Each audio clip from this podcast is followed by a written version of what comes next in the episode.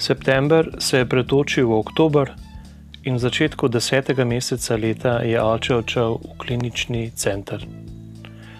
Potem, ko se je že dalj časa slabo počutil, ga je zdravnica Piršičeva napotila v bolnišnico. Ko je odhajal na avtobus, je še pomahal sosedovim zvonki in Milanu, ter Dolfetu in Tončki, na to pa odšel. Potem smo ga v tistem času hodili pogosto obiskovati. Spominjam se, kako si je česal dolge bele lase, ki so se svetili v jesenskem soncu zablodelem skozi bolnišnična okna. Nekoč nas je pričakal pred bolnišnico. Bila je sončna nedelja in zdelo se je, da bo zvozil. Potem pa se je naenkrat stanje poslabšalo. Mami naj v Skarlino ni več pustila na obisk, češ da se je oče zelo spremenil in da naj ga ohraniva v spominu, kakršen je bil. Takrat sva z bratrancem Vinkom igrala nogomet na kolesih.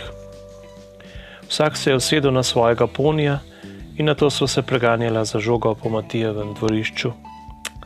Jasno se spominjam, da sem imel slabo vest, češ oče je v bolnišnici, ti se pa tukaj igraš.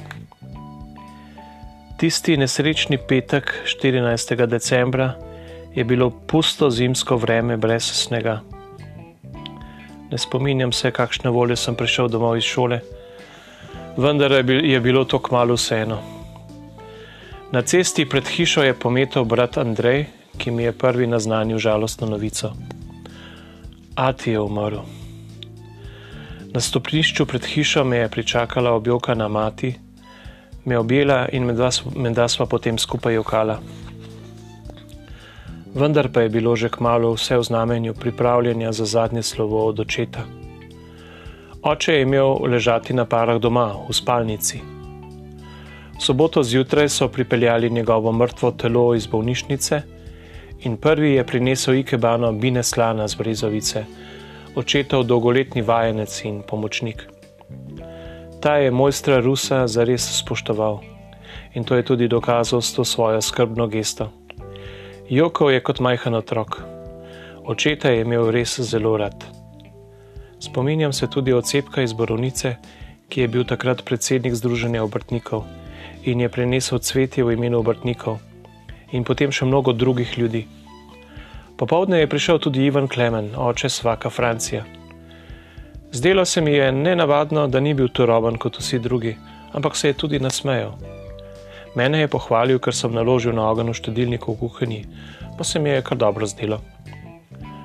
Po molitvah, ko je prišel v našo hišo duhovnik z Brezovice, ali je bil župnik Dular ali kaplan Škufca, to ne vem, smo noč sobote na nedeljo prebedeli pri očetu v spalnici. Zdelo se mi je lepo, da smo se tako poslovili od njega. Vsi njegovi otroci, z materjo smo bili tam izmenjaje smo molili rožni venec in si delili spomine na pokojnega. Naslednji dan je bila nedelja. Kmalu so se začeli zbirati pogrebci, sosedje z Barjanske, Milan Brane in Ludvik Brodnjak ter Matjažo prijatelj Boris Mole. Krsto so le stežka spravili iz hiše, ker so vhodna vrata res oska. Zunaj so jo postavili na lesene gajbice za zadnje očetovo slovo odloga, potem pa so ga z gasilskim kombijem odpeljali na Brezovico. Pogrebno mašo je vodil kaplan Stanko Škufca, bratranec Vinko je nosil luč, sosed Slavko pa križ. Na grobu je očetu spregovoril Milan Remškar, ki so mu nalogo rekli Hošimih zaradi podobnosti z vietnamskim voditeljem. Ko so očetovo krsto spuščali v grob, se je mami izlomila. Na vas glas je zajokala in mi z njo. Poslovil se je njen avijatičar Ciril, dobri mož in oče. Po tisti nedelji 16. decembra nič več ni bilo tako kot prej. Spominjam se več natančno, kako so se odvijali dnevi do novega leta. Verjetno je bilo vse skupaj bolj turobno matematičnih zvezkih iz prvega letnika sem našel, da sem že v četrtek pisal kontrolno nalogo in spet briljiral v negativnem pomenu besede. Dobil sem dve ali minus tri. Ne vem, zakaj sem sploh šel pisati. Razredničarka Klandrova, ki sem ji povedal, zakaj sem manjkal v ponedeljek po pogrebu, takrat namreč nisem šel v šolo, ni vedela, da mi je umrl oče. Zato je organizirala malo delegacijo, da smo se usedli na avtobus do Brezovice in očetu na grob nesli svečko in ikebano.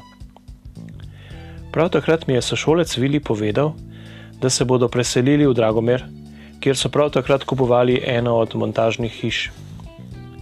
V tistih žalostnih dneh so se torej porodili prvi zametki prijateljstva, ki traja do danes.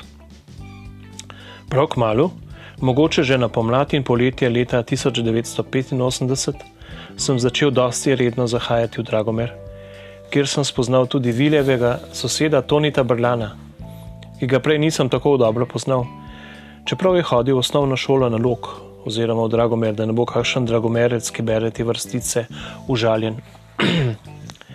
Toni je imel veliko zanimivih plošč in znal je igrati na kitaro.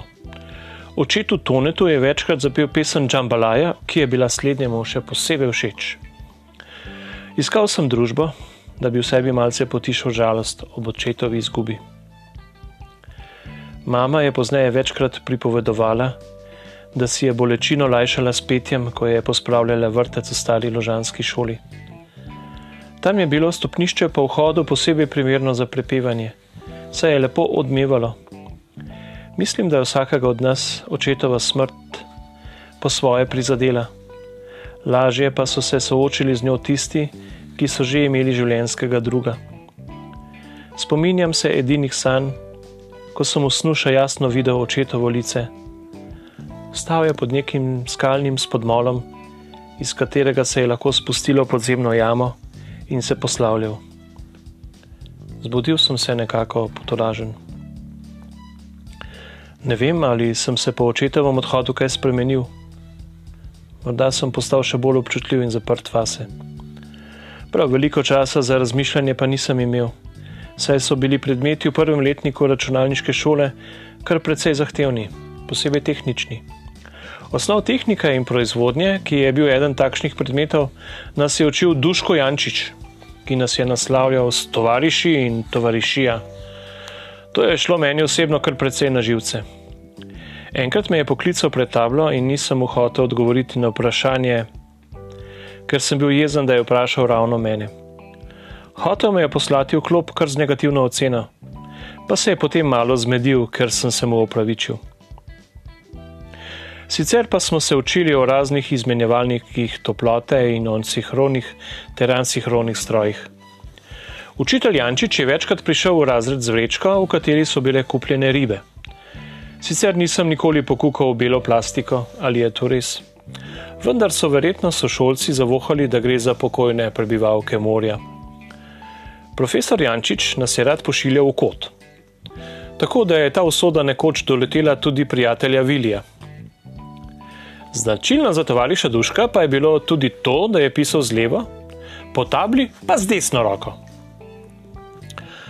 Doma je po očetovi smrti zazevala praznina. Na pol pregrajena delavnica, v kateri je del obrnjen proti Matiju, sem se preselil, je še dodatno počrtovala vrzel, ki je nastala po 14. decembru. Tam sem se tolažil z glasbo, ki so jo takratne radijske postaje stregle v dobrih in poživljajočih odmerkih, predvsem drugi program Radia Ljubljana, tako imenovani Val 202 in Radio Glas Ljubljane. Na vrata delavnice, ki je postala moje novo bivališče, sem nalepil plakat Pavla Kinga, ki je takrat zaslovel s hitom You Spin Me Round. To je bila zelo energična plesna glasba s podarjenim ritmom. Takrat enkrat so zasloveli z enim ali morda dvema hitoma tudi Zigi Zigi Sputnik, ki so bili opremljeni z bojnimi barvami in pisanimi frizurami. Boy George je navduševal s svojim zvonkim glasom in karma kameleonom. Meni pa je predvsem ostalo v spominu prelepa skladba skupine Echo and the Bunnymen, Bring on the Dancing Horses. Kot da bi se hotel spomniti prikazni konja v Brezju, kamor sva čez hrib zloga prišla z očetom, ki mi je držal za roka. Očeta ni bilo več in postal sem nekako zbegan, izgubljen. Lovil sem se dolga leta, morda do danes. Vendar pa življenje teče dalje in tudi v naši hiši se je vse skupaj moralo odvijati naprej. V šoli sem dobil dobre prijatelje. Imeli smo pouk v dveh turnusih in popovdne, že skoraj pod večer, smo odhajali od ure tudi po deset minut prej, čeprav je bila postaja skoraj pred šolskimi vrati. Ko se je obrnil list na koledarju in je v deželo prišlo leto 1985, je zapadel sneg. Takoj, ko je padlo nekaj snežink, je vrhničan začel zamujati. Nazaj grede, ko smo bolj ali manj prezebali na postaji in čakali avtobus, se je večkrat zgodilo, da smo naleteli na živi zid, ko so se odprla zadnja vrata dolgega potniškega vozila. Vseeno pa smo vedno uspeli priti na prepolni avtobus, čeprav je večkrat komu od nas noga ali roka bingljala nekje v brezmedprostorju. Oče župnik, mogoče je takrat postal že oče dekan, kakor smo klicali nesporno avtoriteto duhovnega življenja v naši župniji, me je usmeril na teološko fakulteto, kjer naj bi se upisal na orglarski tečaj. To podjetje je bilo že od vsega začetka obsojeno na propad. Saj nisem imel pojma niti o igranju klavirja, niti o glasbeni teoriji. Poučevala me je neka organistka z Gorenskega, mislim, da je bila doma iz vodic, ki pa že od vsega začetka mojega uka ni bila kaj prida vedrega duha. Saj je vedela, da iz te moke ne bo kruha ker bi moral voditi klavir, sem hodil igrati ta inštrument k Zalarju na Rosovš. Mama Marija, sicer po domače šuštareva mici stavžala v vidovski fari, me je rada poslušala, vendar jaz nisem imel veliko pojma. Tudi je bil klavir v stari kobalovi hiši v precej slabem stanju, tako da ni bil prav velik užitek igrati na njega. Bolj me je navduševal rok.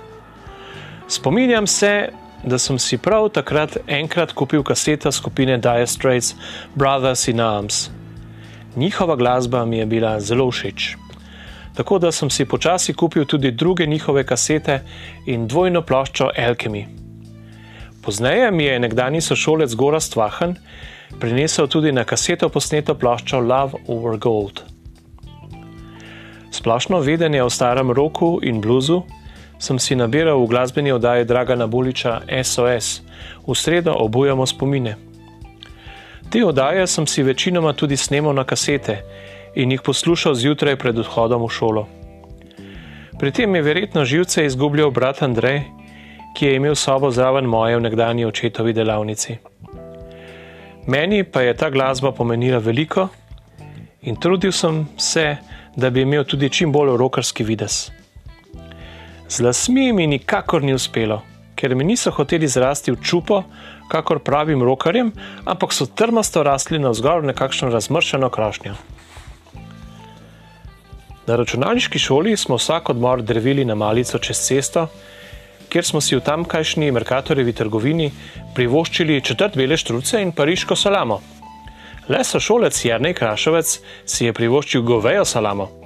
Doma so bili bolj imoviti zato malo bolj fina izbira. Kakšnih pet minut naprej je bila v starih garažah skrita tudi knjižnica Prežihovega Voranca, kamor sem počasi začel zahajati. Profesorica Dožanova nas je znala navdušiti za literaturo, zato sem menda že takrat začel brati Charlesa Dickensa, čigar opus sem na zadnje prebral v celoti. Kot bivša gimnazijska profesorica je bila menda kar nesrečna, ker ni imela več na razpolago toliko ur, da bi nam lahko posredovala svoje obilno znanje. Smo pa bili zato lahko toliko bolj srečni mi, da smo spoznali klasike evropskega realizma, tako francoskega kot ruskega. Doma so se odvijale stvari v glavnem po starem, le da brez očeta. Mati je začela dobivati pokojnino po pokojnem možu, v katero sva bila vključena tudi midva kot nepreskrbljena otroka. Zato se je pokojnina imenovala družinska. Po polletnem spričevalu v šoli, ki je bilo samo dobro, sem bil res poparjen.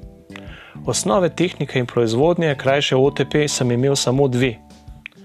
Na koncu leta pa se mi je posrečilo doseči prav dober uspeh. s čimer sem bil seveda bolj zadovoljen. Maja smo v naši vasi dobili prvo javno telefonsko govorilnico, kar je bil zagotovo korak naprej. Delo predsednika vodovodnega odbora je za našim očetom prevzel Miro Brumat z Kodlarevega brega, sicer poslovnež, ki se je vozil naokoli z Volvom, bil je namreč trgovski predstavnik na švedskem. Svoje prvo srednješolsko leto sem torej srečno pripeljal do konca. Privrčeval sem pri svinčnikih, saj sem si umislil način, kako grafitne svinčnike popisati do konca. Majhne štrcle, s katerimi ni bilo mogoče pisati, sem utaknil tulce ostalih flomastrov. Pred trbovalskima sošolcema Tomažem Tomcem in Markom Jeretom sem se v šali ponašal, da gre za naslednjo stopnjo v razvoju pisal. Za savca sta se mi samo smejala. V razposojeni preširnosti se mi je tudi primerilo, da sem šolsko torbo nekoč spustil z okna učilnice v prvem nadstropju. K sreči se ni raztrgala na prav faktorje, to samopašno dejanje pa je črno tehnično aktovko vseeno nesrečno zaznamovalo.